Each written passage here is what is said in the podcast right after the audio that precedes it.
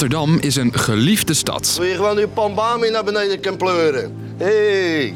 Nee, dat niet. Ik bedoelde geliefd onder drugssmokkelaars. Komt door de Rotterdamse haven, waar ieder jaar miljoenen containers aankomen en weer vertrekken. En ook ieder jaar tienduizenden kilo's kook onderschept wordt. De enige manier om dit te doorbreken is ervoor te zorgen dat we een verdienmodel kapot maken en dat het niet meer loont om uh, onze kant op te komen. Minister van Justitie Dylan Jezogus gaat nu met haar Europese collega's overleggen wat ze nog meer kunnen doen om drugscriminelen te stoppen. Waarom is dat nou zo moeilijk? Dat zoek ik, Dennis, voor je uit. Een podcast van NOS op 3 en 3FM. De Rotterdamse haven is de grootste van Europa. Vorig jaar kwamen hier bijna 15 miljoen containers van over de hele wereld binnen...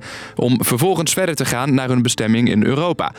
Een dagelijkse monsteroperatie die volgens schattingen 180.000 banen oplevert. Ik denk als ik uh, een beetje doorrijd dat ik er wel 150 containers doe, denk ik wel. Zo hier zo. Zoals deze kraanmachinist die containers laat en lost. Wat er in die containers zit, kan van alles zijn. TV's, uh, daar kan schep in zitten, er kunnen, kunnen schoenen in zitten, linkerschoenen of rechterschoenen.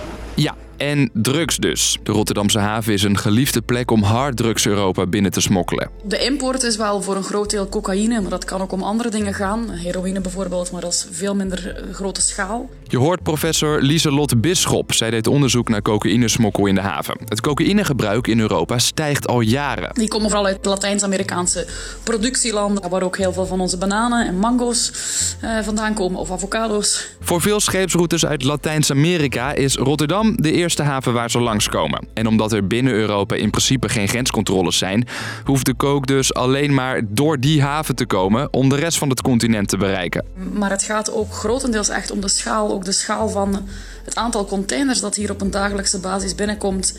Wat uiteraard betekent dat je ook niet alles kunt controleren. Rotterdam wil graag af van zijn status als drugsport van Europa. Nou, we hebben een hele reeks aan maatregelen getroffen. Je hoort minister van Justitie Dylan Jessogus. Wie betrapt wordt op drugs uit containers halen kan sinds kort een celstraf krijgen. En de containers worden vaker gescand en doorzocht. Ook is er meer beveiliging in de haven. Heel simpel, maar soms gaat het om een slagboom of, of, of om een hekwerk, waardoor je fysiek de toegang tot de haven moeilijker maakt. Je hoort onderzoeker Lieselotte Bisschop weer. Maar het gaat ook om personeelsbeleid. Wie werf je? Wie komt bij je werken? Wat weet je over die mensen? Zijn er redenen waarom ze misschien net iets meer in de verleiding zouden kunnen komen?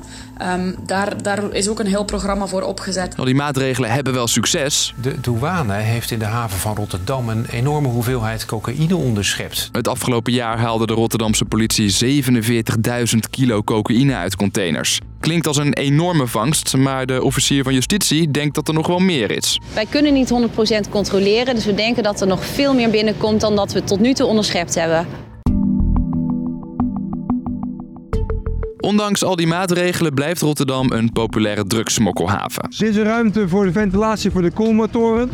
En daar zit ruimte om cocaïne of andere spullen te kunnen verstoppen. Criminelen worden steeds creatiever. Ze verstoppen koken in dubbele wanden of tussen het fruit bijvoorbeeld.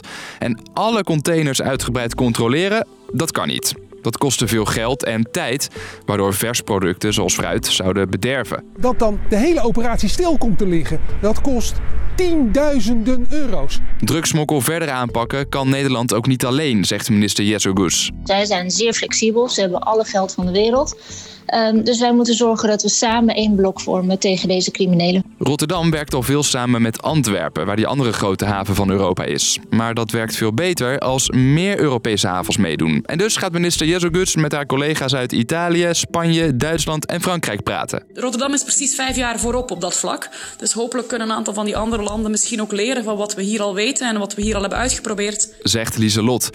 Toch zal de drugsaanpak niet ineens makkelijk worden. Onder meer door de toegenomen bedreigingen vanuit de drugswereld. U weet wellicht dat mijn Belgische collega nog niet zo lang geleden ook zwaar bedreigd werd. Met zijn gezin naar een safehouse moest. De effecten van de illegale drugshandel zijn dus steeds merkbaarder. Ook op straat. En dan is het extra belangrijk dat je elkaar ook daarin eh, en steunt en een front vormt. En zorgt dat al onze diensten ook samen kunnen werken om ervoor te zorgen dat, uh, ja, dat dit tuig niet meer onze kant op komt. Dus, lang verhaal kort. De Rotterdamse haven is een aantrekkelijke plek om drugs Europa binnen te smokkelen. Justitie en de haven zelf doen van alles om dat tegen te gaan, maar het blijft lastig. Onder meer doordat smokkelaars steeds creatiever worden en er meer bedreigingen zijn.